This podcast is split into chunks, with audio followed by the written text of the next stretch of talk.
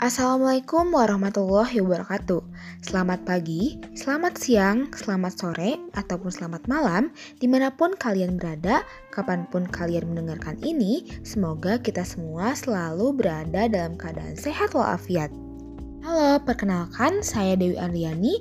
Pada kesempatan kali ini di sini saya akan memberi tanggapan kepada kelompok tiga yang membahas mengenai analisis kasus kenakalan remaja, ajang gladiator bagi para remaja.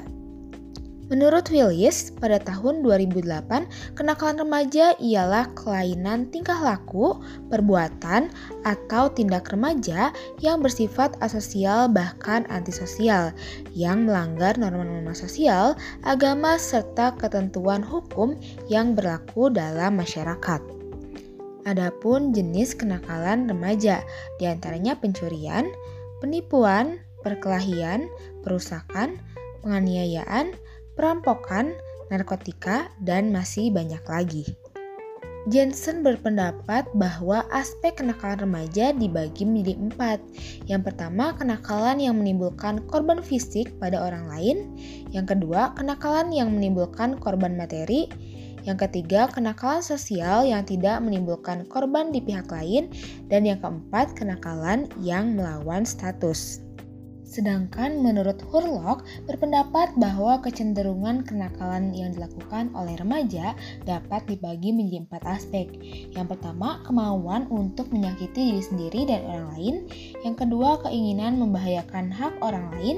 Yang ketiga, kemauan untuk melakukan tindakan yang tidak terkendali, perilaku yang tidak mematuhi orang tua atau guru. Dan yang terakhir, keinginan untuk melakukan tindakan yang membahayakan diri sendiri.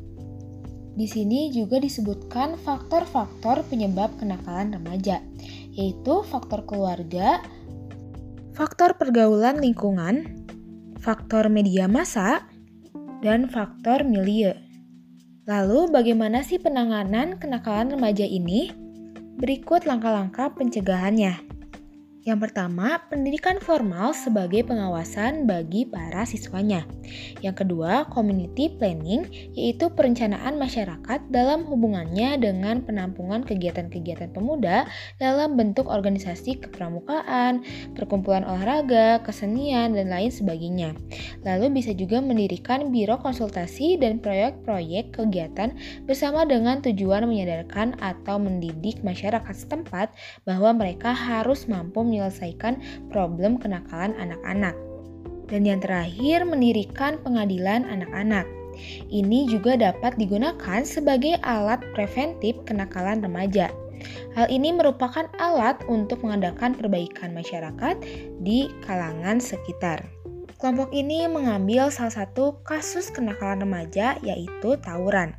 Dalam perspektif kriminologi, kondisi kejiwaan yang labil dapat mempengaruhi terjadinya tawuran pelajar karena pengaruh di luar dirinya ataupun lingkungan sekitar yang sangat berpengaruh terhadap keputusan untuk ikut tawuran atau tidak. Nah, dalam perspektif hukum pidana, tawuran pelajar terjadi bias, baik itu dalam penerapan pasal maupun dalam sistem pertanggungjawaban dan kesulitan dalam pembuktiannya. Remaja belum dapat dipertanggungjawabkan secara penuh didasarkan pada asumsi doli in capac. Artinya remaja tidak dapat secara penuh menyadari tindakannya sehingga tidak dapat melakukan kejahatan. Di Indonesia, masalah kenakalan remaja juga telah menjadi perhatian dan pembahasan yang sangat serius. Antisipasi kenakalan remaja memerlukan pemahaman yang mendalam dan kemudian dapat melahirkan pemikiran alternatif sebagai upaya bagaimana penanggulangannya. Saran terhadap kasus ini Menurut saya, kenakalan remaja yang marak terjadi, khususnya tawuran pelajar tidak boleh dianggap remeh, karena di dalamnya melibatkan para remaja yang merupakan aset masa depan bangsa ini. Banyak korban yang telah berjatuhan, baik korban luka maupun korban jiwa akibat tawuran pelajar ini, sehingga perlu adanya perhatian khusus dari seluruh elemen seperti keluarga, sekolah, maupun pemerintah dalam menekan kasus tawuran pelajar. Selanjutnya di sini saya akan menjawab pertanyaan dari saudari Rotu. Dalam kasus kenakalan remaja yaitu tawuran, bagaimana jika pelaku tawuran merupakan anak di bawah umur dan terbukti telah membuat orang lain menjadi korban, bahkan mungkin sampai meninggal? Apakah akan terkena pidana? Jawabannya, anak yang melakukan tawuran antar pelajar yang mengakibatkan kematian dapat dipidana penjara selama 7 tahun dan denda sebesar 200 juta rupiah. Dengan ketentuan apabila tidak dibayar akan diganti sepenuhnya dengan pidana kurungan selama 2 bulan dasar pertimbangan hakim dalam menjatuhkan pidana terhadap anak sebagai pelaku dalam adanya kemampuan bertanggung jawab pada si pelaku. Dalam arti jiwa si pelaku dalam keadaan sehat dan normal adanya hubungan batin dan kontak fisik antara pelaku dengan perbuatannya yang menyebabkan korban meninggal dunia yang dilakukannya dengan disengaja, hal ini merupakan suatu kesalahan yang dilarang. Tidak adanya alasan pemaaf yang dapat menghapus kesalahan. Didasarkan dakwaan jaksa, tujuan pemidana, hal-hal yang meringankan dan memberatkan majelis hakim cenderung tidak menjatuhkan pidana maksimum. Harapan pelaku tidak mengulangi perbuatannya. Motif tindak pidana, sikap pelaku setelah melakukan tindak pidana, dan akibat yang ditimbulkan.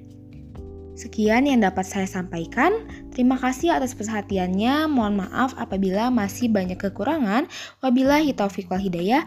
Wassalamualaikum warahmatullahi wabarakatuh. Terima kasih.